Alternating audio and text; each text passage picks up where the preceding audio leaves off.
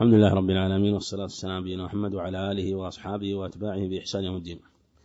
قال رحمه الله كتاب العلم بسم الله الرحمن الرحيم. باب فضل العلم وقول الله تعالى يرفع الله الذين آمنوا منكم والذين أوتوا العلم درجات والله بما تعملون خبير وقوله ربي زدني علما. كتاب العلم. لما ذكر كتاب الإيمان ذكر كتاب والذي يظهر والله أعلم أن مناسبة كتاب العلم للإيمان أن الإيمان هو أصل الدين منبعه وأنه لا يصح إسلام العبد في الظاهر إلا بإيمان باطن ولا يمكن أن يستقيم ذلك إلا بالعلم. فإذا أسلم العبد وآمن بالله فعليه أن يتعلم ولهذا ذكر كتاب العلم بعد كتاب الإيمان. وكان عليه الصلاة والسلام في صحيح مسلم إذا أسلم الرجل قال دونكم أخاكم فعلموه. إذا أسلم الإسلام الصحيح. أو إذا أي شخص يسلم دونكم أخاكم فعلموه. فهو رحمه الله ذكر كتاب العلم بعد ذلك لأن العلم نور من الظلام وهداية من الغي. نعم.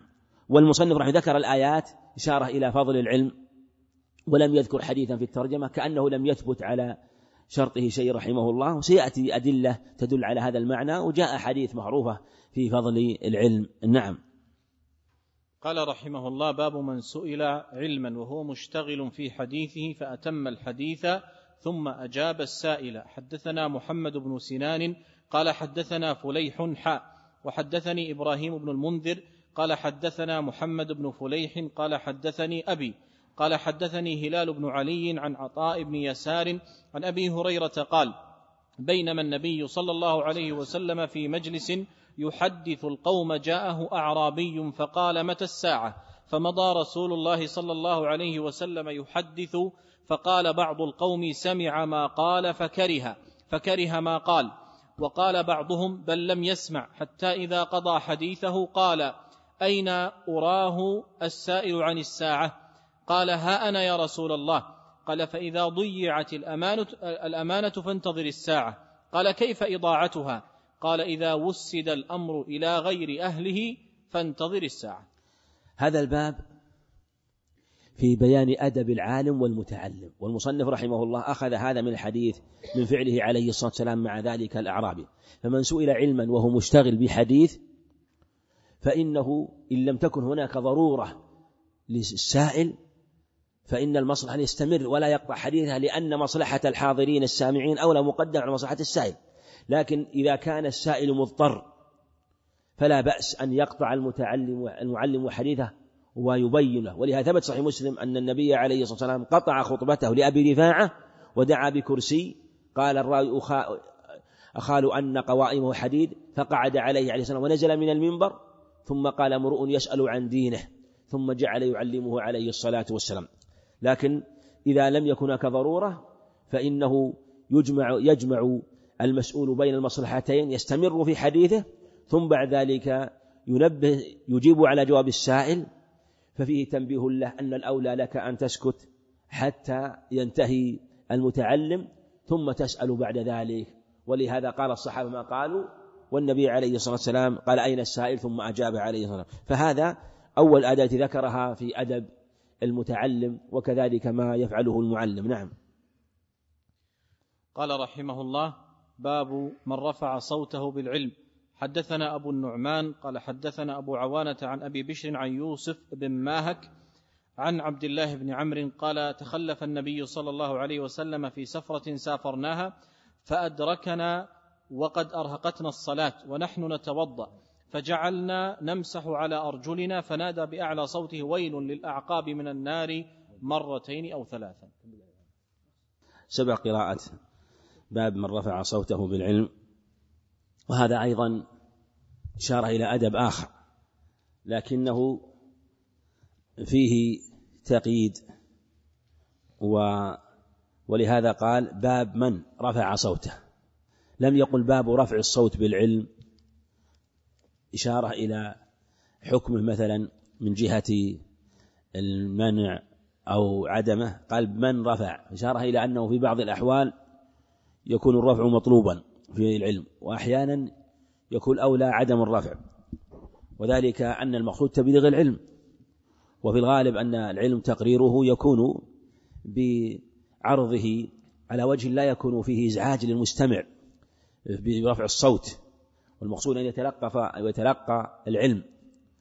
ولهذا قال باب باب من رفع صوته بالعلم. ولهذا عند الحاجة إليه يرفع. وسيأتي لعله ترجمة تأتي باب الغضب في التعليم بالموعظة هذا من الأحوال التي يرفع فيها الصوت لأن هذا في الموعظة والموعظة المقصود بها تحريك القلوب. والزجر. فلهذا كان الرفع فيه من متمماتها مما يحصن مقاصدها. أما العلم فعند الحاجة مثل أن يكون الجمع كثيرا ويحتاج إلى أن يرفع أو يرفع الصوت لأجل من يبلغ العلم بعيد. وفي حديث ثم ساق حديث عبد الله بن عمرو في حدثنا أبو النعمان هو عارم عارم لقب وهو محمد بن الفضل السدوسي. قوله عارم هذا ليس اسما له إنما هو لقب وهو ليس من العرامة في شيء رحمه هو إمام. لكن الألقاب إذا لحقت لا يمكن الفكاك منها. ويذكر اللقب أحيانا من باب التعيين من باب التعيين وهو محمد بن الفضل السدوسي. حدثنا أبو عوان تقدم وضح, وضح ليشكري عن أبي بشر جعفر بن أبي وحشية عن يوسف ماك عن عبد الله بن عمرو. ويقال فنادى بأعلى صوته. ويل للأعقاب من النار. نادى على صوته. هذا تبليغ للعلم مع وعظ وزجر. لأن هذا الموضع قد ينبو عنه الماء وقد يتغافل. فقال ويل للأعقاب من النار. يعني الحذر من عدم غسل هذا المكان فناسب رفع الصوت من أجل هذه الجهة. تقدم معنا حديث أشكال على بعض الإخوان في قوله أفلح و أفلح إن صدق وذكرت رواية من باب استتمام ذكر كلام الحديث أنها رواية مسلم أفلح وأبيه. في أقوال معلومة خمسة أقوال في هذا الحديث والصواب أنه منسوخ. وإذا وإذا قيل منسوخ المعنى أنه قبل النسخ كان جائز. لا بأس. لا يقال أنه قبل النسخ أنه محرم لا. قبل النسخ جائز من الأقوال الجائزة. ليست بشرك ولا معصية. وأنها من الكلمات التي كانت تقولها العرب أو يجري على سنتهم والنبي عليه الصلاة والسلام أقرهم على ذلك ولا بأس به. ثم جاء النهي عنه ولهذا كانوا يحلفون بآبائهم. حتى الصحابة رضي الله عنهم بعد إسلامهم كانوا يحلفون بآبائهم. والحلف هنا ليس مع اعتقاد بالقلب أنه من يحلف به أنه إله أو أنه تصرف الكون إنما كانوا يعتادونه فجرى الأمر على ذلك ثم نسخ ثم لا وبنسخه تبين تحريمه. هذا المعنى المراد. نعم باب.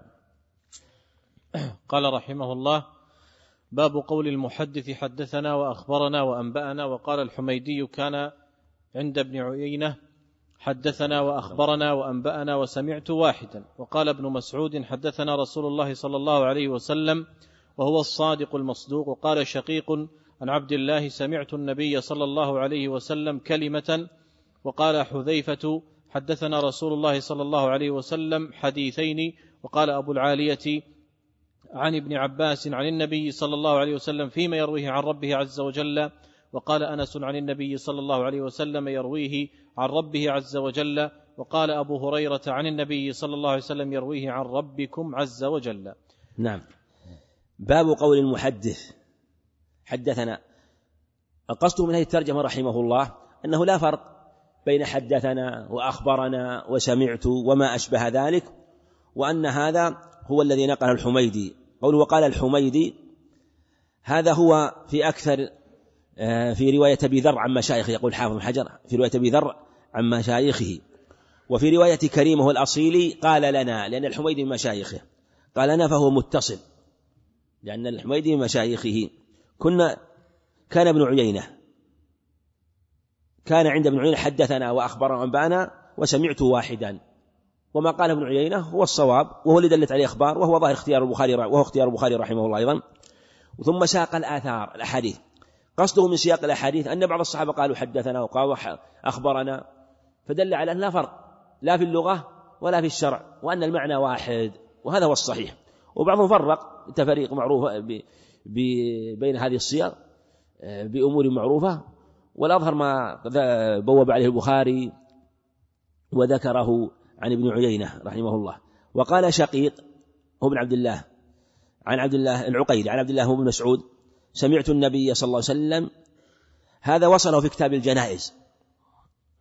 وسمعت النبي صلى الله عليه وسلم من مات يجعل الله ندا دخل النار. هذا الحديث هو روى وصله البخاري في كتاب الجنائز. وقال حذيفة حدثنا رسول الله حديثين. هذا وصله البخاري في كتاب الرقاق من طريق الأعمش عن زيد بن وهب. و وقوله وقال أبو العالية هو الرياحي عن ابن عباس عن النبي صلى الله عليه وسلم فيما يرويه عن ربه عز وجل وأراد بقوله أنا خير من قال أنا خير من يونس متى فقد كذب. أراد هذا الحديث وقد وصله البخاري رحمه الله في كتاب التوحيد. لا ينبغي لعبد يقول أنا خير من يونس بن متى. لا ينبغي لعبد يقول أنا خير من يونس بن متى. وقال أنس عن النبي صلى الله عليه وسلم يرويه, يرويه عن ربه عز وجل. هذا وصل في كتاب التوحيد. إذا تقرب العبد شب مني شبرا. وهنا قال يرويه وفي الأول فيما يرويه. وقال وحدثنا. وابن مسعود قال سمعت.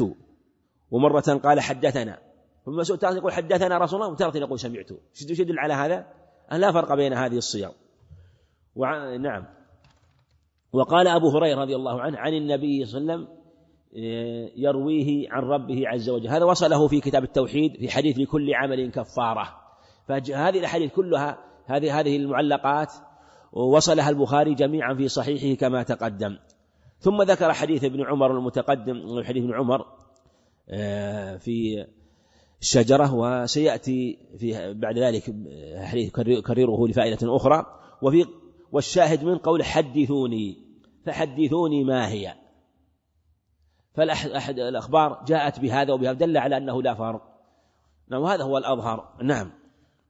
قال حدثنا قتيبة قال حدثنا إسماعيل بن جعفر عن عبد الله بن دينار عن ابن عمر قال قال رسول الله صلى الله عليه وسلم إن من الشجر شجرة لا يسقط ورقها وإنها مثل المسلم فحدثوني ما هي. فوقع الناس في شجر البوادي قال عبد الله ووقع في نفسي أنها النخلة فاستحييت ثم قالوا حدثنا ما هي يا رسول الله؟ قال هي النخلة. باب طرح الإمام المسألة على أصحابه ليختبر ما عندهم من العلم.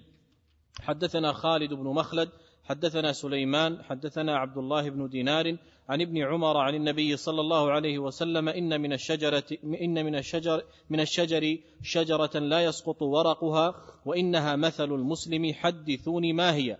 قال فوقع الناس في شجر البوادي قال فوقع في, فوقع في نفسي أنها النخلة ثم قالوا حدثنا ما هي يا رسول الله؟ قال هي النخلة. نعم. طرح الإمام مسألة على أصحابه ليختبر ما عندهم من العلم. وهذا من حسن تعليم العلم وطرح المسائل. طرح الإلقاء. الطرح إلقاء. طرحها إلقاؤها. والأطروحة المسألة تلقى فيتباحث فيها. طرح الإمام المسألة معنى أنه يطرحها على أصحابه ليختبر ما عندهم. فيتأملون ويفكرون فيكون فيه فوائد. أولا أدعى لفهمهم وأدعى لضبط المسألة لأنه يكون من باب المذاكرة والمذاكرة أنفع من القراءة. ولهذا قال بعضهم مذاكرة ساعة أحب إلي من مطالعة ليلة لأن المذاكرة تذكرك بمسائل كثيرة. أنت قرأتها لكن لا تستحضرها. ولهذا يقولون فلان يحفظ مثلا ألف حديث ويدارس بعشرة آلاف حديث. لأن حديث كثيرة قرأها لكن ما يحفظها. تدارسه فيها يستحضر. هذه الأحاديث فيورد فتذكره. الأحاديث وتذكره ما فيها من العلم. ولهذا هو أثبت في العلم. والنبي طرح هذه طرح عليه المسألة فجعلوا يتأملون خبروني ما هي. وفيه أن أن من يعلم لا ينبغي أن يبالغ في الإلغاز. النبي عليه الصلاة والسلام في اللفظ الآخر جيء بجمار نخلة. ففي إشارة إلى أنها النخلة. فقال حدثوني إن شجرة هي مثل المسلم أو مثل المسلم. فحدثوني ما هي؟ الحديث. قول حدثنا خالد بن مخلد هذا هو القطواني وتكلم في بعضهم لكن روايته عن أهل المدينة جيدة وسليمان بن بلال المدني والبخاري لم يخرج له عن غير المدينة إلا حديث واحد. من عاد لي وليا فقد بارزته بالحرب والحديث له شواهد من حديث أبي أمامة وغيره بالجملة البخاري رحمه الله كما علم خاصة من شيوخه يكون انتقى منهم كما آه، سيأتينا في بعض شيوخه رحمة الله عليه. نعم. قال رحمه الله باب ما جاء في العلم وقول الله تعالى وقل ربي زدني علما. نعم. باب ما جاء في العلم وقول تعالى وقل ربي زدني علما. وهذا الظاهر أن في بعض النسخ موجود عندكم في جميع النسخ هذا؟ نعم. موجود. نعم.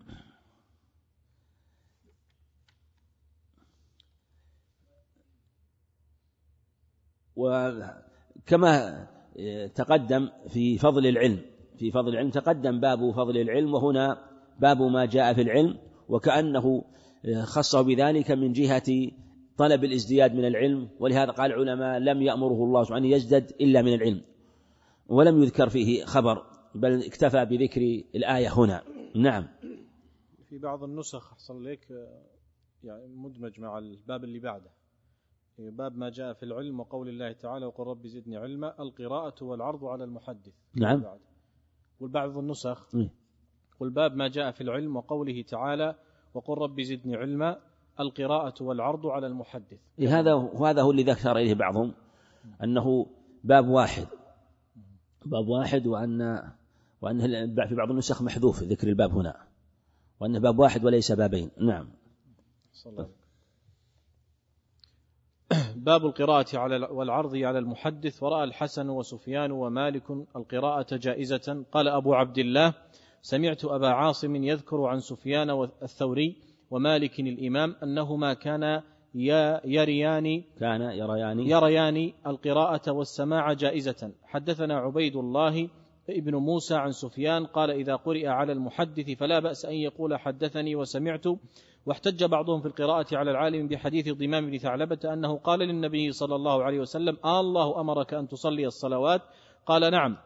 قال فهذه قراءة على النبي صلى الله عليه وسلم أخبر ضمام قومه بذلك فأجازوه.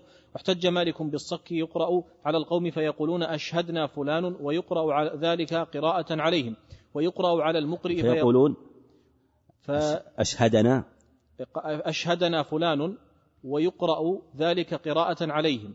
ويقرأ على المقرئ فيقول القارئ أقرأني فلان.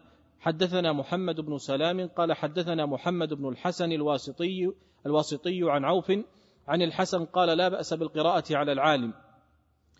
حدثنا عبيد الله وأخبرنا محمد بن يوسف الفربري وحدثنا محمد بن ابن إسماعيل البخاري. عبيد, عبيد الله هذه موجودة في النسخ عندكم؟ عبيد الله. ها؟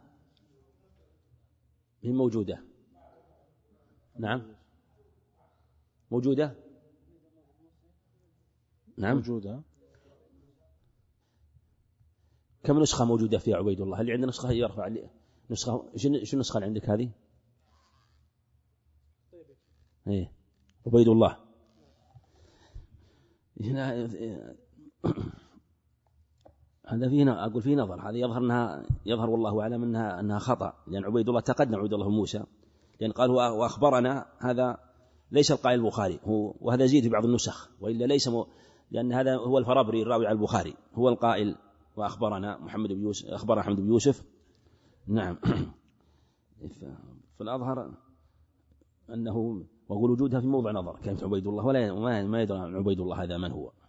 عبيد الله هذا يظهر أنها خطأ والنسخ الخالية منها يظهر أنها أصح. نعم. أحسن عليك إذا يكون أخبرنا محمد بن أخبرنا محمد يوسف. يعني. هذا من رواة البخاري. محمد يوسف هذا الفرابري هذا الراوي على البخاري. قليل نادر أن يزيد من عند زيادات. ولا يزيد. لا يزيد. نادر أن يزيد من عند زيادات. نعم. صلى الله عليكم. وأخبرنا محمد بن يوسف الفربري حدثنا محمد وحدثنا محمد بن إسماعيل البخاري. قال حدثنا عبيد الله ابن موسى بن باذام عن سفيان قال إذا قرئ على المحدث فلا بأس أن يقول حدثني. قال وسمعت هذا موجود عندكم ولا م... ولا ليس موجود كل الإسناد وين ها؟ موجود؟ يعني تكرر تقدم. تقدم. قال حدث ابن موسى تقدم. فكرره مرة تكراره مرة أخرى هذا موضع نظر. يعني تكراره موضع مرة أخرى موضع نظر. يعني تقدم حدثنا عبيد الله موسى عن سفيان.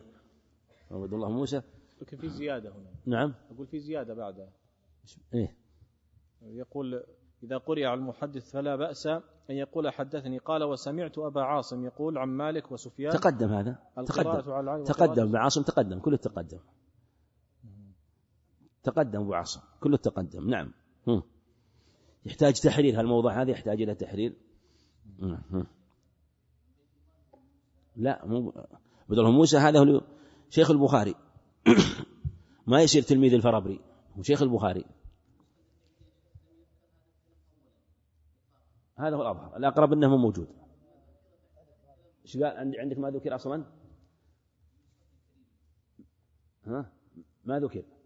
هو الأقرب عدم ذكره. نعم إيش بعده؟ بعده. إسناد آخر.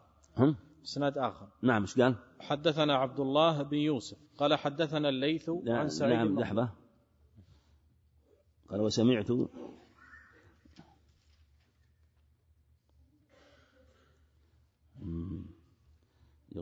القراءة العالم آه، سفيان. وفي اختلاف النقل الأخير فيه اختلاف عن النقل الأول. ويحتاج إلى تحرير يحتاج معنى حدثنا نعم. طيب. حدثنا عبد الله بن يوسف قال حدثنا الليث عن سعيد المقبوري عن شريك بن عبد الله بن أبي نمر نعم. أنه سمع النبي أنه أنه سمع أنس بن مالك يقول بينما نحن جلوس مع النبي صلى الله عليه وسلم في المسجد دخل رجل على جمل فأناخه في المسجد ثم عقله ثم قال لهم أيكم محمد؟ والنبي صلى الله عليه وسلم متكئ بين ظهرانيهم فقلنا هذا الرجل الأبيض المتكئ؟ فقال له الرجل ابن عبد المطلب. فقال له النبي صلى الله عليه وسلم قد أجبتك؟ فقال الرجل للنبي صلى الله عليه وسلم إني سائلك فمشدد عليك في المسألة فلا تجد علي في نفسك. فقال سل عما بدا لك. فقال أسألك بربك ورب من قبلك آه الله أرسلك إلى الناس كلهم؟ فقال اللهم نعم. قال أنشدك بالله آه الله أمرك أن تصلي الصلوات الخمس في اليوم والليلة؟ قال اللهم نعم. قال أنشدك بالله آه الله أمرك أن تصوم هذا الشهر من السنة؟ قال اللهم نعم. قال أنشدك بالله الله أمرك أن تأخذ هذه الصدقة من أغنيائنا فتقسمها على فقرائنا؟ فقال النبي صلى الله عليه وسلم اللهم نعم. فقال الرجل آمنت بما جئت به وأنا رسول وأنا رسول من ورائي من قومي وأنا ضمام ابن ثعلبة أخو بني سعد بن بكر رواه موسى وعلي ابن عبد الحميد عن سليمان عن ثابت عن أنس عن النبي صلى الله عليه وسلم بهذا. روا- رواه موسى. رواه موسى وعلي ابن عب- ابن ابن عبد الحميد عن سليمان عن ثابت عن أنس عن النبي صلى الله عليه وسلم. نعم. بهذا. بهذا. وهذا منه رحمه الله بيان أن القراءة والعرض على المحدث. باب القراءة والعرض على المحدث وأنه لا بأس بالقراءة والعرض على المحدث. ثم ذكر رحمه الله عن سفيان الثوري ومالك من طريق أبي عاصم أبو عاصم الضحاك ومخلد أنهما كان القراءة والسماع جائزا. يعني القراءة على الشيخ والسماع من الشيخ جائز وأنهما واحد. منهم من قال لا بد أن يسمع من الشيخ. فإذا أراد أن يروي عن البخاري كت صحيحة عن مسلم صحيحه مثلا أو أراد أن يروي كتابا عن شيخ صنفه ورواه فجاء بكتاب الشيخ وجعل الطالب يقرأ. إذا كان الطالب الذي يقرأ كتاب الشيخ والشيخ هو الذي يستمع هذا يسمى عرض. هذا يسمى عرض. وإن كان الشيخ هو الذي يقرأ هذا يسمى قراءة. يعني يقرأ عليه فيسمعون من لفظه. بعضهم شدد قال لا بد أن نسمع لفظ الشيخ. يقول حدثنا يسوق نسمع.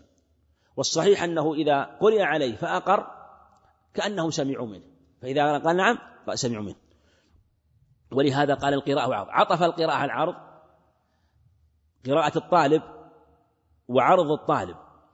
عطف بينهما لأن بينهما فتار لأن الطالب تارة يعرض. يعني يعرض على الشيخ فيقرأ والشيخ يسمع. وتارة يقرأ الطالب والأصل مع الشيخ والأصل مع الشيخ والطالب ليس معه كتاب. فهذه قراءة هذه قراءة. وإذا كان الطالب هو الذي يقرأ من كتاب هذا هو العرض لأنه يعرض عليه كتابه. ولا يشترط أن يكون أن يقرأ الشيخ ولا يسمع لفظ الشيخ. وبعض يفرق فقال إن سمع الشيخ الشيخ إذا كان يقول أخبرنا وإن سمع من الشيخ قال سمعت. والصحيح لا فرق بين سمعت وأخبرنا في في هذا لأن الشيخ أقر به وقال نعم. ثم ساق الآثار في مثل هذا قال عن سفيان الثوري قال إذا قرئ المحدث عبيد الله موسى والعبسي قال إذا قرئ المحدث فلا بأس أن يقول حدثني وسمعت. لكن يشترط أن يكون القارئ متقنا ضابطا. والشيخ ضابط يعرف الخطأ والغلط. لا بد من هذا. واحتج بعضهم في القراءة على العالم بحديث ضيام ثعلبة لأنه قال للنبي كذا وكذا والنبي قال اللهم نعم أقر. فكأنه سمع ذهب. لما قال إنه آه، نقل كلام النبي نقل كلام رسوله الذي أرسله عليه السلام وقال إن رسولك قال كذا وكذا والذي يقرأ والذي يقول هو ضمام. والنبي عليه الصلاة والسلام لم يعد عليه الكلام بل قال اللهم نعم. فاحتجوا بهذا على عرض. ثم قال أيضا احتج آه، بعضهم بالقراءة آه، لأنه ساق الأخبار ثم وصلها بعد ذلك. فقول الحسن وصل. حدثنا محمد بن الحسن هذا هو الشامي ثقة. وليس له عنده إلا هذا الأثر. إلا هذا الأثر كما قال الحافظ المقدمة. عن عوف بن أبي العرابي الحسن قال لا بأس بالقراءة على العالم. لا بأس بالقراءة على العالم. والعالم يسمع. فإذا أقره على ذلك كأنه سمعه منه. واحتج بعضهم أيضا بالصك. قال واحتج مالك بالصك. يقرأ على القوم فيقولون أشهدنا فلان. الصك هو الكتاب الذي فيه وثيقة يكتب فيها. فإذا قرأت على شخص أشهدنا ويقرأ ذلك قراءة عليه ويقرأ فيقر به. فإذا قرئ على الإنسان هذا الصك وقال نعم كان إقرار بما في الصك. فإذا كان هذا في الحقوق وهو من باب الشهادة ومع ذلك يكتفى بسماعه بما في الصك ويكون إشارته أو قوله نعم أقر ما فيه يكون صحيحا وكأنه قرأه وأقر به فالإخبار والرواية أسهل وأولى أسهل. بذلك ولهذا احتجوا بالصك كما احتج مالك بالصك أنه من باب أولى. وأيضا احتج على المقرئ في القرآن يقرأ على المقرئ وهو يستمع.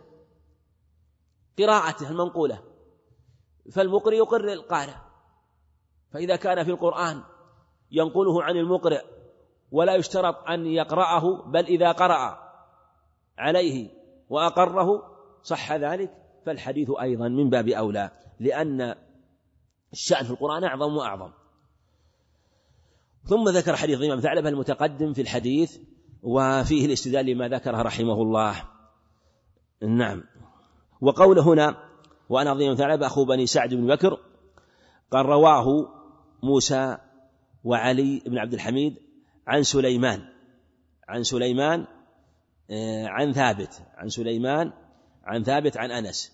فجاء الحديث سليمان ثابت تابع ابن أبي نمر. ورواية موسى هذا هو بن إسماعيل التبوذكي وصلها أبو عوانة في صحيح موسى بن إسماعيل التبوذكي. وعلي بن حميد بن عبد الحميد هو المعني ثقة ليس له إلا هذا الموضع المعلق مثل محمد بن حسن الواسطي. هذه وصلها الترمذي رحمه الله. عن البخاري عنه.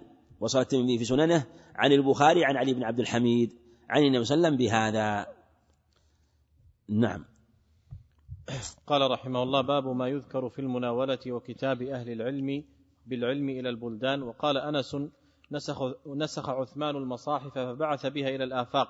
ورأى عبد الله بن عمر ويحيى بن سعيد ومالك ذلك جائزا. واحتج بعض أهل الحجاز في المناولة بحديث النبي صلى الله عليه وسلم حيث كتب لأمير السرية كتابا وقال لا تقرأه حتى تبلغ مكان كذا وكذا فلما بلغ ذلك المكان قرأه على الناس وأخبرهم بأمر النبي صلى الله عليه وسلم.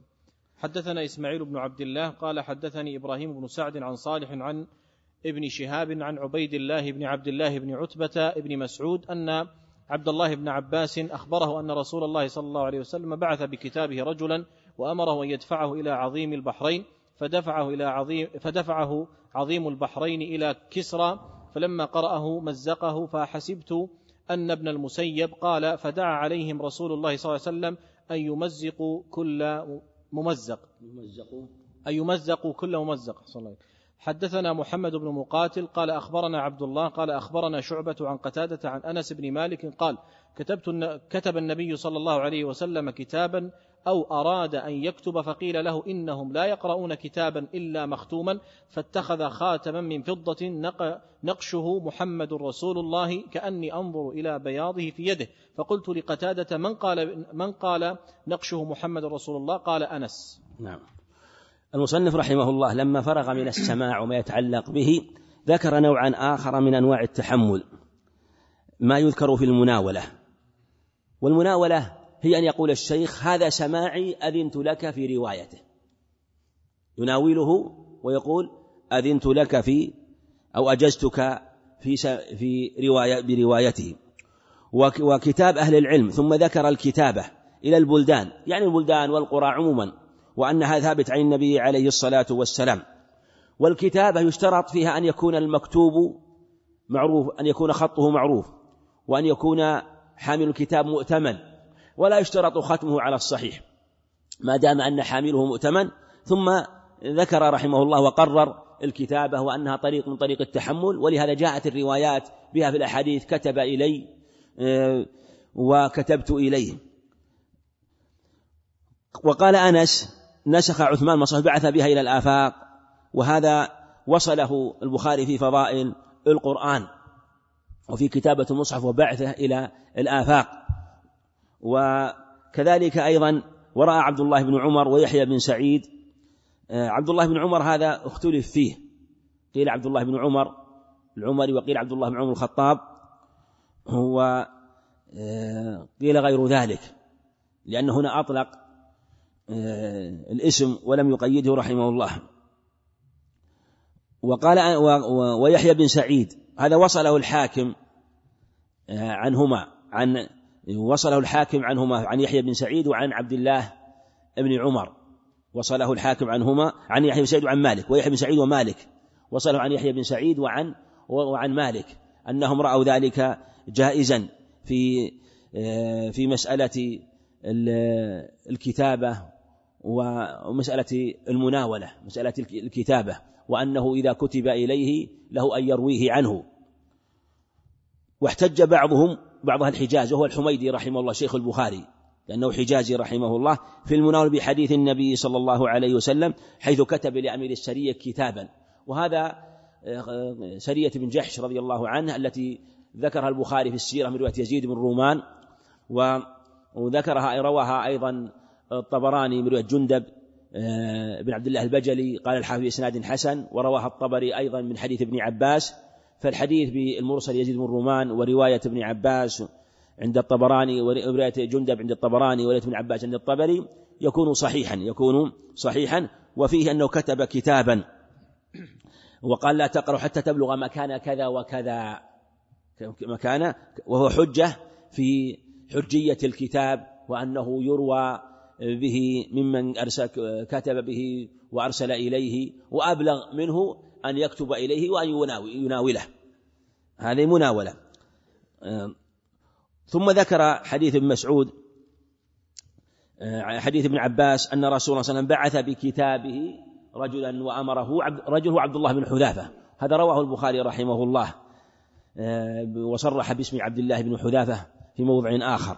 فدفعه عظيم البحرين وهو المنذر المنذر ابن ساوى إلى كسرى. إلى كسرى حين بعث النبي صلى الله عليه وسلم بكتاب يدعوهم إلى الإسلام. فلما رآه مزقة فحسبت أن رسول الله صلى الله عليه وسلم فحسبت أن ابن المسيب سعيد المسيب قال إن رسول دعا أن يمزقوا كل ممزق. وهذا الأخير مرسل ليس متصل بالإسناد الذي قبله إنما آه، من روايته عن عبيد الله عن ابن المسيب أنه قال فحسبت أنه قال دعا أن يمزقوا كل ممزق ولهذا مزقوا كل ممزق ولم يبقى ملكهم وإذا ذهب كسرى فلا كسرى بعده. وحديث أنس رضي الله عنه أيضا في قول كتب النبي صلى الله عليه وسلم كتابا كتب معناه أراد أن يكتب. وهذا ورد في صحيح البخاري أيضا لما أراد النبي أن يكتب جاء صرح بما أضمره هنا لما أراد النبي صلى الله عليه وسلم أن يكتب آه، وهي تفسر هذه الرواية. وفيه التقرير على صحة الكتاب كما تقدم وفيه أنه كان أيضا الختم أيضا ولهذا اتخذ خاتم عليه الصلاة والسلام وإذا اتخذ خاتم وختم يكون أبلغ في التوثق والصحيح أنه ليس بشرط ليس بشرط ما دام أن الذي يحمل الكتاب ليس مؤتمن. لكن إذا كان الذي يحمل الكتاب المكتوب إليه يخشى أن يزيد ويغير فيختم الكتاب.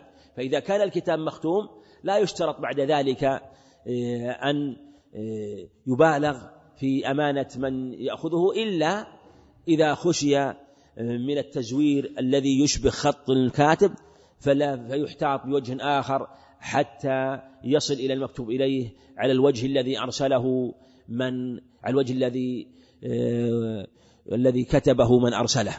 نعم. قال رحمه الله باب من قعد حيث ينتهي به المجلس ومن رأى فرجة في, في الحلقة فجلس فيها. حدثنا إسماعيل قال حدثني مالك عن إسحاق ابن عبد الله بن أبي طلحة أن أبا مرة مولى عقيل بن أبي طالب أخبره, أخبره عن أبي واقد الليثي أن رسول الله صلى الله عليه وسلم بينما هو جالس في المسجد والناس معه إذ أقبل ثلاثة نفر فأقبل فأقبل اثنان إلى رسول الله صلى الله عليه وسلم وذهب واحد وذهب واحد. قال فوقف على رسول الله صلى الله عليه وسلم. فأما أحدهما فرأى فرجة في الحلقة فجلس فيها وأما الآخر فجلس خلفهم وأما الثالث فأدبر ذاهبا فلما فرغ رسول الله صلى الله عليه وسلم قال ألا أخبركم عن النفر الثلاثة؟ أما أحدهم فآوى إلى الله تعالى فآواه الله إليه وأما الآخر فاستحيا فاستحيا الله منه وأما الآخر فأعرض فأعرض الله عنه. فتح الباري موجود؟ بس لو يراجع قوله فحسبت أن ابن المسيب يمكن يراجع كلام إشكال حافظ عليها. لتقدم فحسبت أن المسيب قال لأن ليس له ذكر في السند الذي قبله. ها؟ ابن شهاب. قال ابن شهاب. ليس نعم يعني هذه تدرك أنها ابن شهاب ليس عون. قال ابن شهاب بس ما قال قال هو ابن شهاب راوي الحديث. يقول قصة عند موصولة. موصولة عنده وقصة الدعاء مرسلة. موصول عنده عند البخاري. ها؟ في, في أي موضع بس. وقصة الدعاء مرسلة. نعم لأن ابن سيب ليس له ذكر. ليس له ذكر في السند. فعلى هذا يكون متصل. على هذا إن كان ابن شهاب نعم فإذا كان ابن شهاب يكون ابن شهاب رواه عن عبيد الله عن ابن مسعود. متصل. ورواه آه عن ابن شهاب بزيادة. بزيادة قول فحسب أنه قال أن يمزق كل ممزق. أن يمزق كل ممزق. وعلى يكون قال حسبت القائل هو ابن شهاب. ابن شهاب وأنه عنده بإسنادين من عن عبيد الله وعن المسيب وابن المسيب زاده آه، هذه الزيادة التي أرسلها رحمه الله. نعم طيب. استدرك على الكلام السابق أنا قلت أن عبيد الله يكون الصواب القائل فحسبت ابن شهاب ليس عبيد الله. نعم. طيب من قعد حيث ينتهي به المجلس. ومن رأى فرجة في الحلقة فجلس فيه. وهذا أدب من آداب مجالس العلم. وأن مجالس العلم من جاء فإنه يجلس إذا وجد مكانا. وإذا كان في فرجة تقدم مثل الصلاة. وإن عظم حلاق العلم. كما أن يتقدم يسد الفرجة كذلك أيضا يتقدم في الصلاة يتقدم يسد الفرجة أيضا. قال فرجة وفرجة يسد يسدها في حلقة العلم. ثم ذكر قصة الثلاثة والشاهد واضح منها. في قول أما أحدهم فرأى فرجة. في الحلقة فجلس فيها. هذا الشاهد للترجمة. وأما الآخر؟ فجلس خلفهم. يعني إما أنه آه فلا فلا نعم. وأما الآخر فجلس خلفهم. فجلس خلفهم. اللفظ الآخر استحيا. فكأنه يعني إما أنه وجد فرجة لم يجد فرجة لم يجد فرجة آه، فلم يزاحم أو أنه وجد فرجة فاستحيا فجلس خلفهم آه، فلم يفوت المصلحة فلم يفوت المصلحة بل حصلها بجلوسه خلفهم. وفي هذا مثل ما تقدم أن هذا أدب من آداب العلم يجلس حيث ينتهي به المجلس. وهذا أيضا يشمل حتى المجالس الأخرى ولو لم تكن مجالس العلم فإنه ينتهي حيث يجلس حيث ينتهي به المجلس. كحديث جابر بن سمرة كان أحدنا إذا جاء إلى مجلس النبي صلى الله عليه وسلم جلس حيث ينتهي به المجلس كما رواه الترمذي. نعم. قال رحمه الله باب قول النبي صلى الله عليه وسلم. ولهذا قال في اللفظ الآخر وأما الآخر فاستحيا فاستحيا الله منه. يعني وأما الآخر جلس خلفهم هذا قول فاستحيا هذا في آخر الحديث. فاستحيا فاستحيا الله منه. وأما الآخر فأعرض أعرض الله نعم. قال رحمه الله باب قول النبي صلى الله عليه وسلم رب مبلغ أوعى من سامع. رب مبلغ أوعى من سامع. نعم. حدثنا مسدد قال حدثنا بشر قال حدثنا ابن عون عن ابن سيرين عن عبد الرحمن بن أبي بكرة عن أبيه. ذكر النبي صلى الله عليه وسلم قعد على بعيره وأمسك إنسان بخطامه أو بزمامه ثم قال أي يوم هذا؟ فسكتنا حتى ظننا أنه سيسميه سوى اسمه. قال أليس يوم النحر؟ قلنا بلى. قال فأي شهر هذا؟ فسكتنا حتى ظننا أنه سيسميه بغير اسمه. فقال أليس بذي الحجة؟ قلنا بلى. قال فإن دماءكم وأموالكم وأعراضكم بينكم حرام كحرمة يومكم هذا في شهركم هذا في بلدكم هذا ليبلغ الشاهد الغائب. فإن الشاهد عسى أن يبلغ من هو أوعى له منه. نعم. وقول باب قول النبي صلى الله عليه وسلم رب مبلغ أو سامع. هذا وصله البخاري في كتاب الحج من حديث أبي بكرة. ثم ذكر آه، معناه أيضا في هذا الحديث عن أبي بكرة ذكر معناه في قول يبلغ الشاهد الغائب. لكن بهذا اللفظ وصله في كتاب الحج. وفيه آه، تبليغ العلم. تبليغ العلم. لكل أحد. وفيه حفظ العلم في حث على حفظ العلم وحفظ على تبليغ وحث على تبليغ العلم. وربما أن من يسمع العلم يكون أوعى له ممن من بلغ العلم أوعى له ممن سمعه. رب مبلغ يعني عني عن النبي أوعى من سامع له مني أو سامع للحديث مطلقا. حتى بعد عهد عليه الصلاة والسلام فيبلغه من يسمعه في مجالس العلم غيره ممن لم يحضر مجالس العلم فقد يكون أوعى له منه. ففيه حث على حفظ العلم وحث على التفقه فيه وفيه أخذ العلم ممن حفظه ولم يتفقه فيه. وأن الإنسان ما يحقر ما يقول فلان لا أخذ من فلان مجرد أنه يحفظ لا. فإنه إذا فاتك العلم جالسة عليك أن تأخذه ممن سمعه وعلى من سمع أن يبلغه. وإذا كان إنسان ليس فقيها في العلم فلا يحقر ما عنده بل يبلغ من يسمعه منه فيتفقه فيه وينشر فيكون له أجره في سماع العلم وأجر من بلغه في التفقه فيه وبيان معانيه. نعم ولهذا رب ورب تأتي للتكفير وتكون للتقليد. نعم. قال رحمه الله باب العلم قبل القول والعمل. لقول الله تعالى فاعلم أنه لا إله إلا الله فبدأ بالعلم وأن العلماء هم ورثة الأنبياء.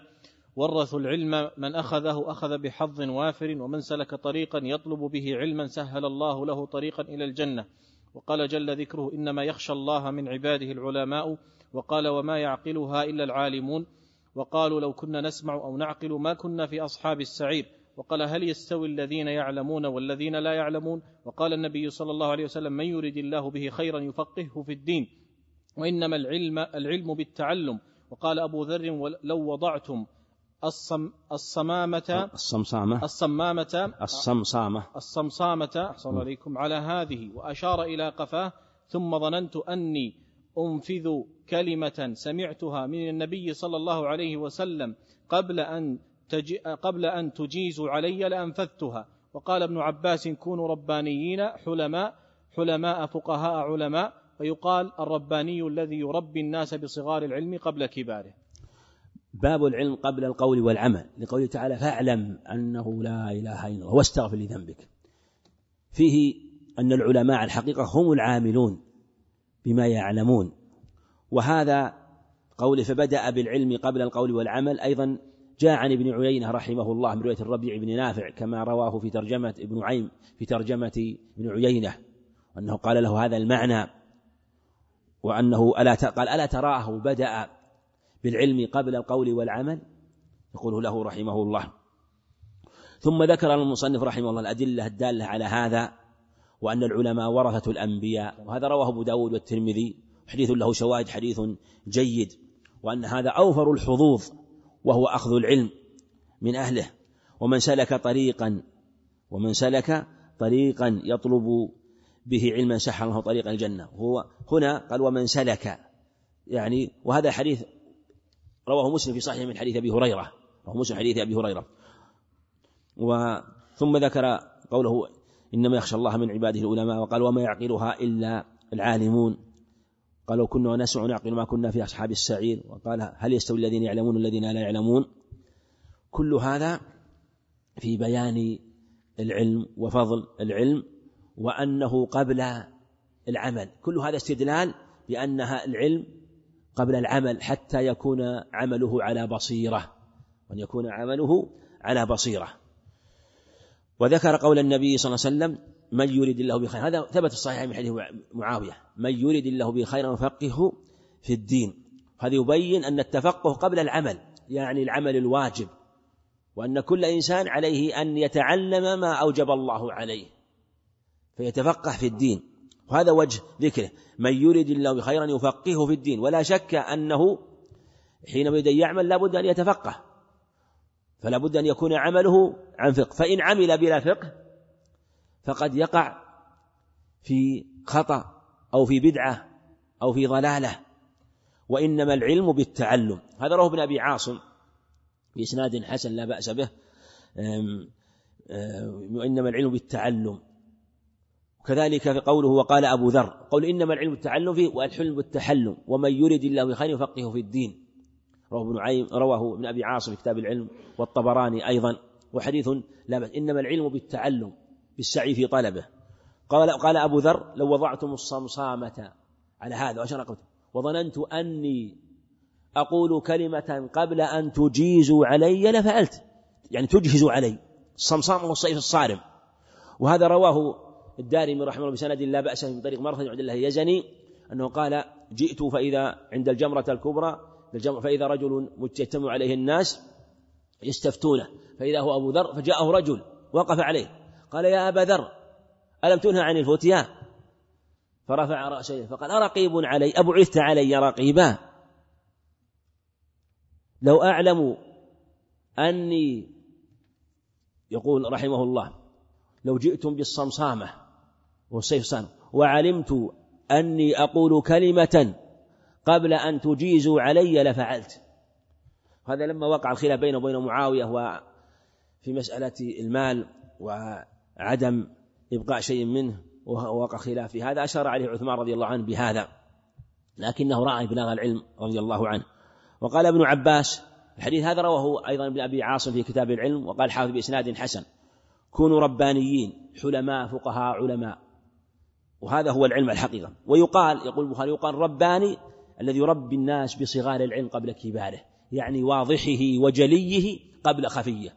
هذا هو الواجب أن يبين الواضح الجلي وأوضح ذلك وأجلاء العقيدة تغرس في قلوب الصغار وعموم الناس. وإذا استناروا بالتوحيد الصحيح كان أقرب إلى الفقه الصحيح في جميع علوم الشريعة. نعم. قال رحمه الله باب ما كان النبي صلى الله عليه وسلم يتخولهم بالموعظة والعلم كي لا ينفروا. حدثنا محمد بن يوسف قال أخبرنا سفيان عن الأعمش عن أبي وائل عن, عن ابن مسعود قال كان النبي صلى الله عليه وسلم يتخولنا بالموعظة في الأيام كراهة السآمة, السآمة علينا. حدثنا محمد بن بشار قال حدثنا يحيى قال حدثنا شعبة قال حدثني أبو التياح عن أنس عن النبي صلى الله عليه وسلم قال يسروا ولا تعسروا وبشروا ولا تنفروا. وهذا التخول بالموعظة والعلم. التخول بوب على التخول موعظة والعلم والسبب حتى لا ينفروا. وذكر الدليل على الترجمة. الأولى التخول موعظة من قول ابن مسعود. كان النبي يتخولنا. التخول هو التعهد. يعني لا يعظهم كل يوم بل يتعاهدهم عليه الصلاة والسلام. وقولك كي لا ينفروا دليله الحديث الثاني يسروا وتعسروا وبشروا ولا تنفروا. ولهذا فيه مراعاة الأوقات في نشر العلم ومراعاة الحاضرين في العلم الذي آه، يسمعون. وسيأتينا أيضا في أنه أن يحدث الناس بما يعلمون. وفيه أيضا التأني والرفق في عرض العلم. كما أن اليسر في العمل مطلوب فاليسر في العلم أيضا أبلغ بأن يكون يسيرا حتى يفهمه الناس ويدركه الناس لأن المقصود هو بلوغ العلم إلى القلوب ورسوخه في فإذا وقع فيه رسخ ونفع. ليس المجرد ليس مجرد السماع لا حتى يرسخ وتفقهه النفوس والقلوب فيكون قائدا إلى العمل. والفهم والإدراك للعلم وتعقل العلم من أعظم المعينات العبد على الخير والمعينات له على العمل. ولهذا كان فقه الصحابة أنهم يتخولون كما فعل ابن مسعود رضي الله عنه. وهذا سيأتي أيضا في ترجمة أخرى. نعم. قال رحمه الله باب من جعل لأهل العلم أياما معلومة. حدثنا عثمان بن أبي شيبة قال حدثنا جرير عن منصور عن أبي وائل قال كان عبد الله يذكر الناس في كل خميس فقال له رجل يا أبا عبد الرحمن لوددت أنك ذكرتنا كل يوم قال أما, أما إنه يمنعني من ذلك أني أكره أن أملكم وإني أتخولكم بالموعظة كما كان النبي صلى الله عليه وسلم يتخولنا بها مخافة السآمة علينا. نعم والحديثان متقدمان في الترجمة التي قبلها رواهما مسلم حديث مسعود وحديث أنس. هذه الترجمة كالبيان والشرح للترجمة قبلها. لما قال التخول موعظة والعلم حتى العلم التخول بالعلم أيضا. قال من جعل لأهل العلم أياما معلومة. التخول بأن يجعل أيام معلومة لأهل العلم فيعلمهم العلم ويكون في أيام معلومة. ثم إذا كان في أيام معلومة يعلمونها يكون أدعى إلى ضبط أوقات العلم. أيضا أدعى إلى الاستمرار. بخلاف إذا لم يكن معلوما تارة في اليوم الفلاني ثم يتغير موعد الفلاني وتارة في الوقت الفلاني ويتعين الوقت الفلاني فإذا لم تثبت الدروس لا يثبت طالب العلم. لكن ثباتها في أيام ثم تحري الأوقات المناسبة ثم تحري العلم المناسب لمن يحضرون هو الأدعى. وفي هذا دلالة على التدرج في طلب العلم. التدرج في طلب العلم. بمعنى أنه يعرض العلم شيئا شيئا وهذا سيأتي أيضا في تحديث الناس بما يعلمون. ولهذا قال مسعود السلام في هذا إني أكره أن أملكم أكره أن أملكم وإذا ملت النفوس ضعفت عن قبول العلم. نعم. قال رحمه الله باب من يرد الله به خيرا يفقهه في الدين. حدثنا سعيد بن عفير قال حدثنا ابن وهب عن يونس عن ابن شهاب قال قال حميد بن, حميد بن عبد الرحمن سمعت معاوية خطيبا يقول سمعت النبي صلى الله عليه وسلم يقول من يرد الله به خيرا يفقهه في الدين وإنما أنا قاسم والله يعطي ولن تزال هذه الأمة قائمة على أمر الله لا يضرهم من خالفهم حتى يأتي أمر الله. باب من يرد الله به خيرا يفقهه في الدين. وحدثنا سعيد بن عبيد هذا سعيد بن كثير. وهذه الترجمة تنبيه على الترجمة التي قبلها وأن من أدب أهل العلم هو ما تقدم أن يعرض العلم عرضا ميسرا حتى لا يسأم طالب العلم العلم. فإذا سلكت الأسباب في تيسير العلم في الوقت وفي ثبات وفي أيام معلومة وفي عرض العلم المناسب لمن يحضرون كان أدعى للتفقه في العلم. ولهذا قال بوب بعده باب من يريد الله بخيرا يفقهه في الدين. والمعنى على أهل العلم أن يتفقهوا ويفقهوا وأن يسعوا إلى الأسباب التي يمكن بها أن يكون لهم طلاب يخلفونهم فيكونون فقهاء فيحيوا هذا العلم فيكثر طلابهم وينتشر العلم ويقل الجهل. ولهذا ذكر هذا الحديث عقب هذه الترجمة من يريد الله به خيرا يفقهه في الدين. والله سبحانه وتعالى يقسم من عطاياه لمن شاء من خلقه في باب العلم لكن الشأن في اتخاذ الأسباب الميسرة والمعينة على ذلك. نعم.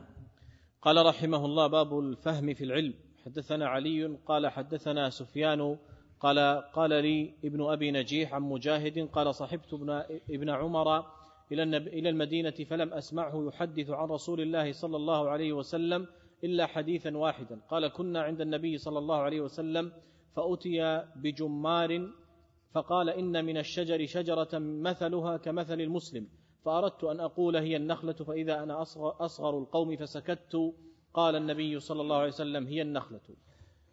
باب الفهم في العلم. وهذه مناسبة لما قبلها.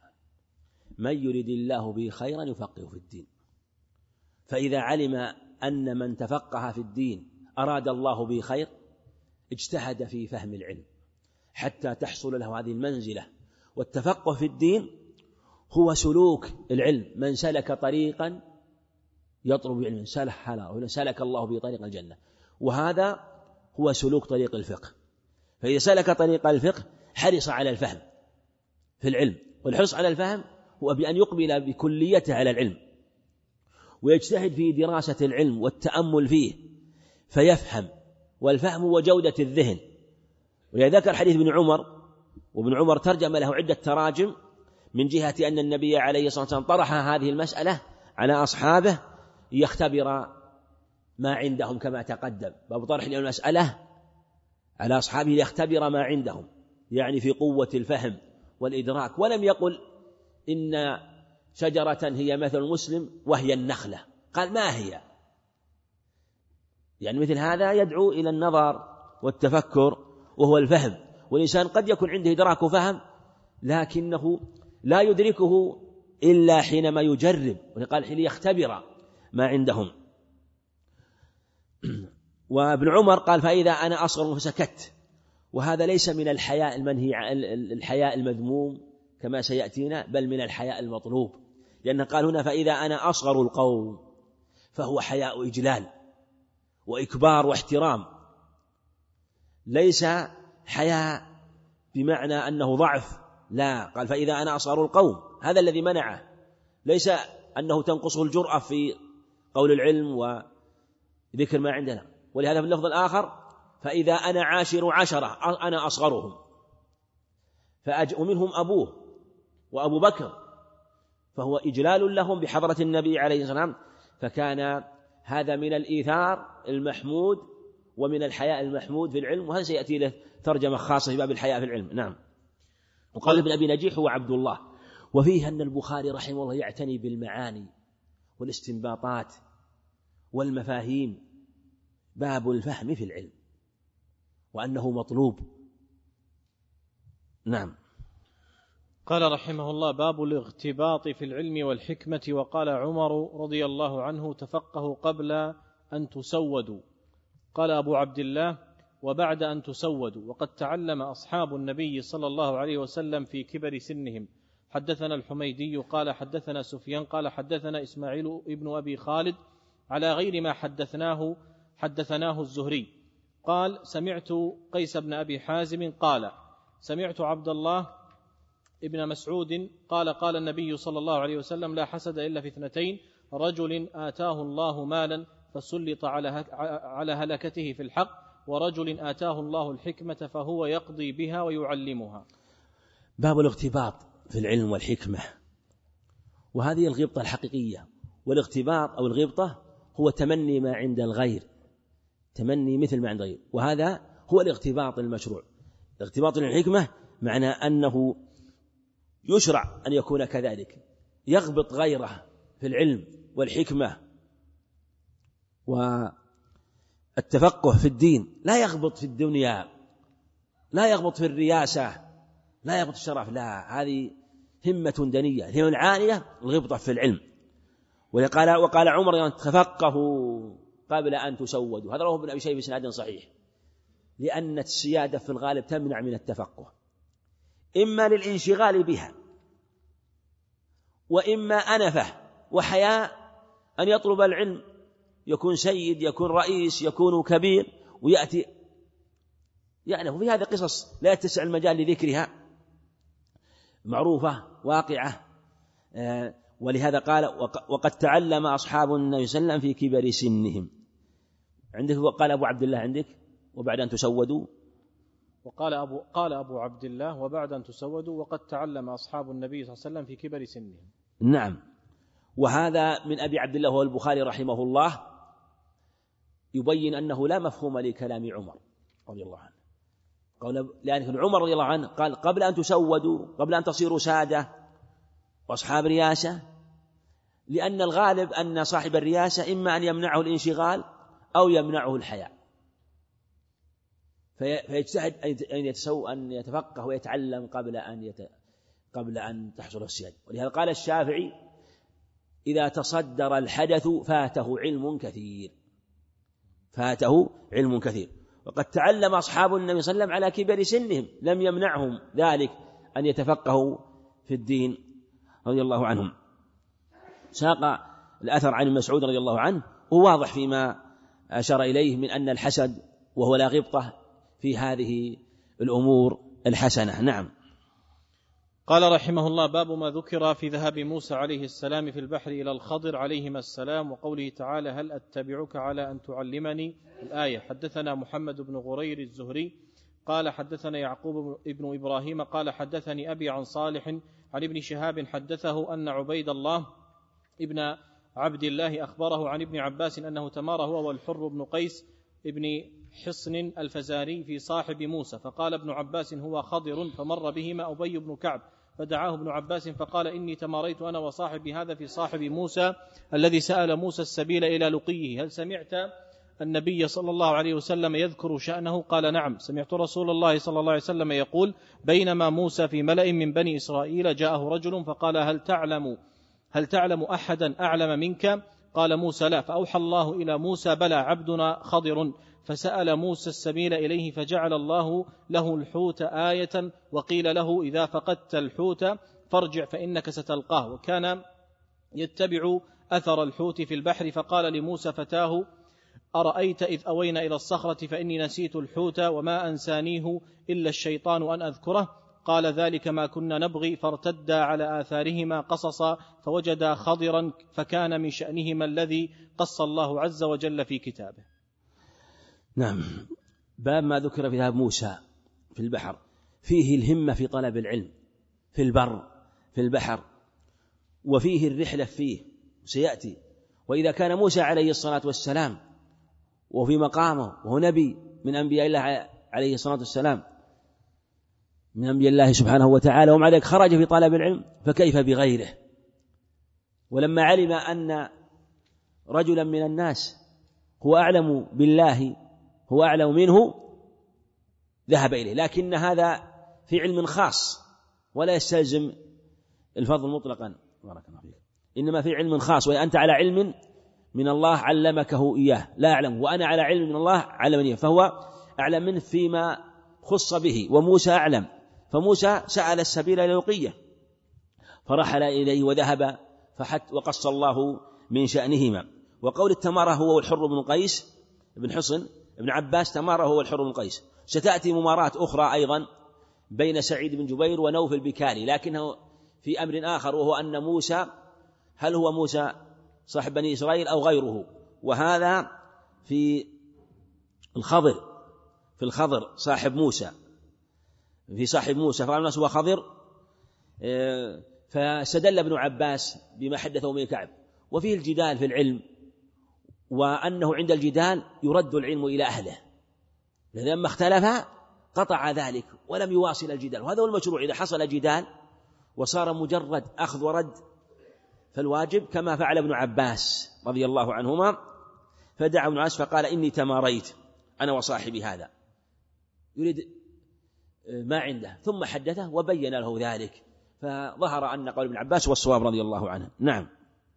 قال رحمه الله باب قول النبي صلى الله عليه وسلم اللهم علمه الكتاب. حدثنا أبو معمر قال حدثنا عبد الوارث قال حدثنا خالد عن عكرمة عن ابن عباس قال ضمني رسول الله صلى الله عليه وسلم وقال اللهم علمه الكتاب. قول قوله باب قول النبي صلى الله عليه وسلم الكتاب لأن الكتاب هو منبع العلم وأصل العلم. اللفظ الآخر اللهم علمه الحكمة. وفي لفظ آخر الله في صحيح مسلم اللهم فقهه في الدين وعند أحمد بسناد صحيح اللهم فقهه في الدين وعلمه التأويل. وفيه علو شأن العلم وأن من رؤي فيه نبوغ وإدراك وفهم يجتهد في توجيهه إلى العلم وأن يسأل الله التوفيق حتى يفتح عليه. فذكر قصة ابن عباس في هذا قال حدثنا أبو معمر وعبد الله بن عمرو من أبي الحجاج وهو المنقري حدثنا عبد الوارث بن سعيد حدثنا خالد بن مهران هذا خالد هو مهران وهو الواسطي. عن عكرمة عن ابن عباس قال ضمني النبي عليه الصلاة والسلام في اللفظ الآخر عند المصنف إلى صدره ضمه إلى صدره. وقال اللهم علمه الكتاب اللهم علمه الكتاب. وفي في صحيح البخاري أن النبي عليه الصلاة والسلام آه، دخل الخلاء ثم رأى وضوءا. هذا سبب قوله أنه رأى وضوءا. فقال من وضع هذا؟ قالوا ابن عباس. قال اللهم علمه الكتاب. عند مسلم أنه خرج من الخلاء فقال من وضع هذا؟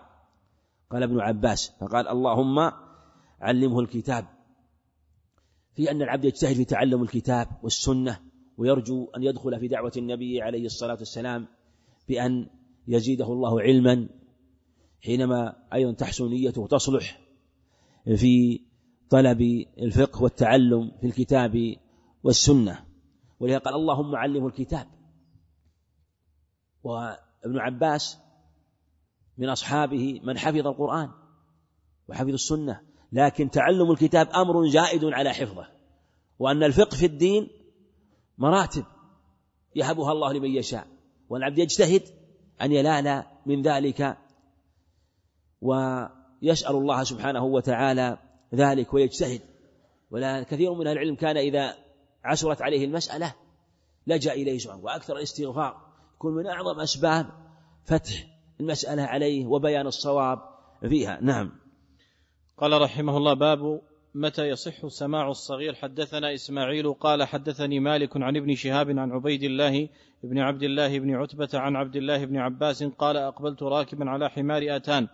وأنا يومئذ قد نهزت الاحتلام ورسول الله صلى الله عليه وسلم يصلي بمنى إلى غير جدار فمررت بين يدي بعض الصف وأرسلت الأتان ترتع ودخلت الصف فلم ينكر ذلك علي أحد. حدثني محمد بن يوسف قال حدثنا أبو مسهر قال حدثني محمد بن حرب ابن حرب قال حدثني الزبيدي عن عن الزهري عن محمود بن الربيع قال عقلت من النبي صلى الله عليه وسلم مجة مجها في وجهي وأنا ابن خمس سنين من دلو. نعم. باب متى يصح سماع الصغير. يريد رحمه الله أن البلوغ ليس شرطا في صحة السماع وأن الصغير ما دام يعقل فيصح سماعه. هذا قول أهل العلم قاطبة يروى عن المعين رحمه الله أن يشترط البلوغ في السماع. هذا قول لا يصح لا من جهة الأدلة. وعمل السلام الله عليهم على أنه يصح سماعه إنما الأداء هو الذي يشترط له. كمال الأهلية الأداء هو الذي يشترط له كمال الأهلية. والمصنف رحمه الله ذكر حديث ابن عباس ثم ذكر بعد ذلك حديث محمود بن ربيع. حديث محمود بن ربيع أوضح في الدلالة ومع ذلك لم يقدمه. قدم حديث في ابن عباس والذي يظهر لي والله أعلم أنه من باب الترقي في الاستدلال. ولهذا الخصم تورد له الدليل. ما تورد له الدليل القوي؟ صار عندك صار عندك دليلان؟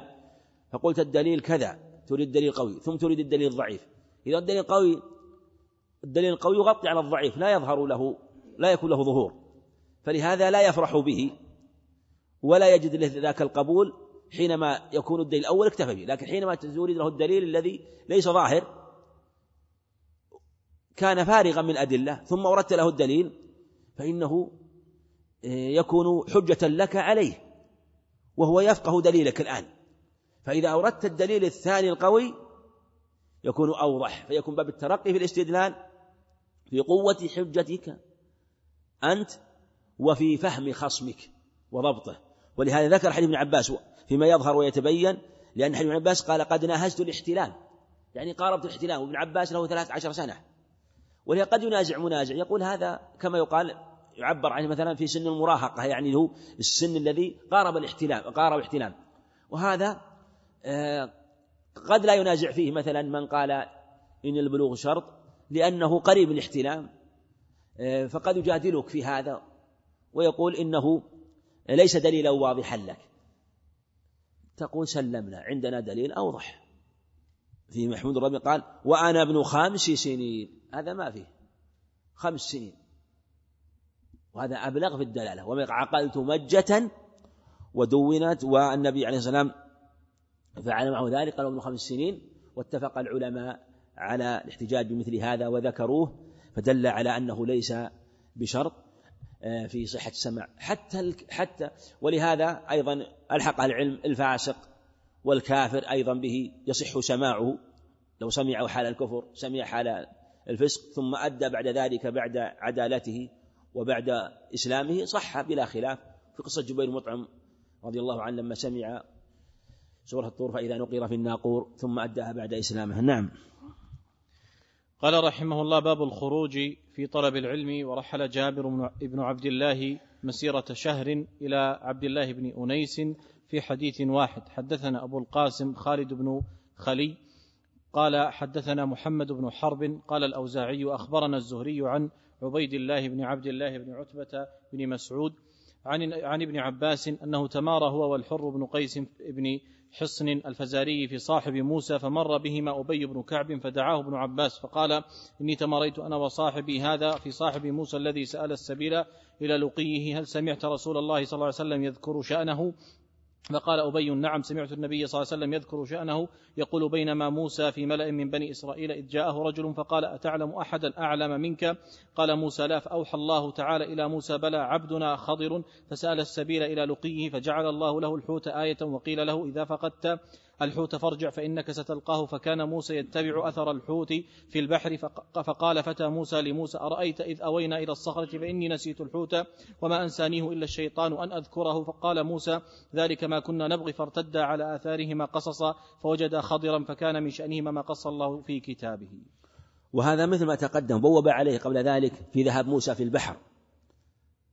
ثم بوب عليه بابا آخر في الخروج في طلب العلم. إشارة إلى أنه إذا علم أن موسى خرج عليه الصلاة والسلام في يطلب العلم مما علم الله الخضر مما لا يعلمه فيشرع الخروج لكل أحد لطلب العلم إلى كل من عنده علم سواء كان قريبا أم بعيدا في البر والبحر. قال الخروج في طلب العلم وأن هذا هو قال قيد الخروج في طلب العلم وأن هذا هو الخروج المشروع. خلاف الخروج الذي يكون للسياحة الذي يكون خروج لغير ذلك خروج وما أشبه من الخروج فالخروج المشروع هو الخروج في طلب العلم. وغيره يختلف مما يكون مباح خروج سياحة وما أشبه ذلك لا عتب عليه ما دام أنه متمسك بآداب الشرع. وخروج آخر على وجه العزلة وترك أهل الإسلام ويزعم أنه يريد بذلك الصلاح فهذا إن لم يكن هناك داعي للخروج من فتنة يفر بها من دينه فهو خلاف ما عليه السلف من أنه يبقى مع أهل الإسلام في جماعاتهم ويشهد جنائزهم وجماعاتهم ويحضر مجالسهم ومشاهدهم في العلم وغيرها هذا هو هو الأولى بل هو الواجب. وقوله رحل جابر بن عبد الله مسيرة شهر في حديث واحد إلى عبد الله بن أنيس. هذا حديث رواه الإمام أحمد رحمه الله من رواية عبد الله بن عقيل بن أبي طالب. من رواية عن جابر وفيه كلام لكن له طريق آخر عند الطبراني في مسند الشاميين وبه يقوى الحديث. وبه يقوى الحديث. وفيه أيضا آه، رحلة عقبة بن عامر إلى أبي أيوب أيضا ارتحل في حديث ستر على مسلم. وفيه من رواية عند أحمد وفي سناده انقطاع. والقصص في هذا كثيرة. ونبه أيضا إلى مر معنا حديث الدين النصيحة. قال وقول النبي صلى الله عليه وسلم النصيحة وما ذكرت من وصله؟ وصله مسلم رحمه الله مسلم رواه مسلم في صحيحه. وأيضا رواه والبخاري أيضا رواه في كتابه التاريخ الكبير في كتابه التاريخ الكبير. فهذا هو الخروج المشروع. قوله قال حدثنا أبو القاسم خالد بن خلي هذا هو الكلاعي من شيوخ البخاري. نعم.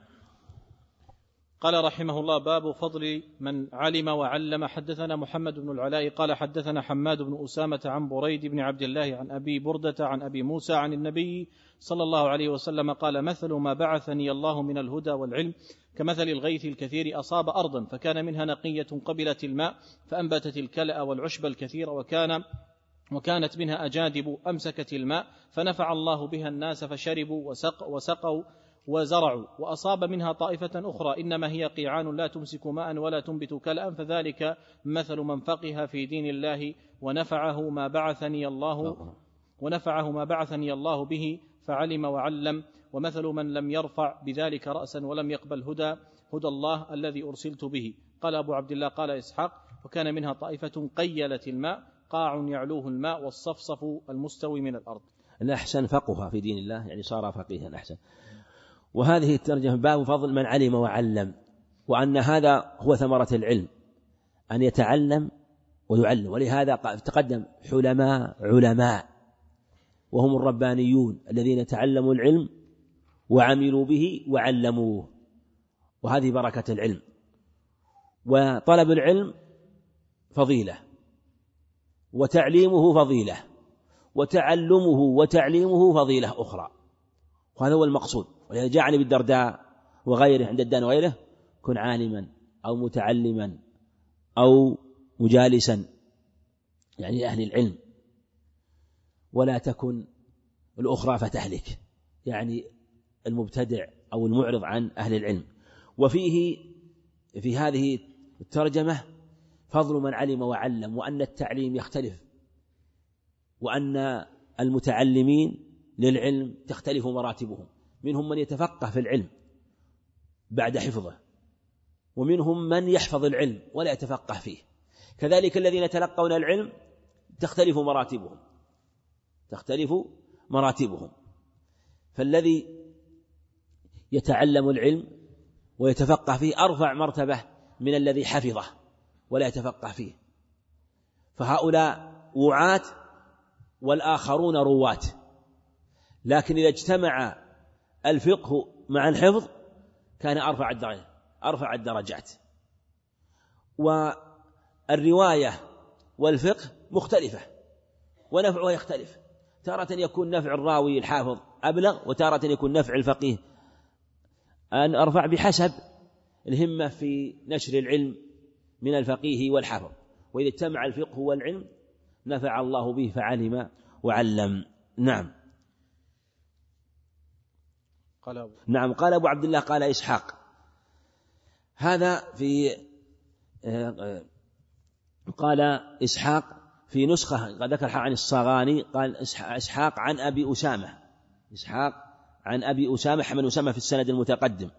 وأبو إسحاق هذا اختلف إسحاق اختلف فيه عند إطلاقه. والأظهر أن البخاري إذا أطلق إسحاق فالمراد إسحاق بن راهوية. وإن كان روى عن إسحاق غير بن راهوية لكن عندما يطلق يريد إسحاق بن راهوية. قال بعضهم ابن إسحاق. وصح بعض لكن هذا فيه نظر. والأظهر أنه إسحاق هذا هو الأظهر وأن الأقرب أنه إسحاق ابن راهوية يعني بهذا الإسناد. ويراجع مسند إسحاق رحمه الله هو مطبوع. وهل هو موجود في مسند أبي موسى؟ ينظر لأنه هو مطبوع ليس بكامل. نعم.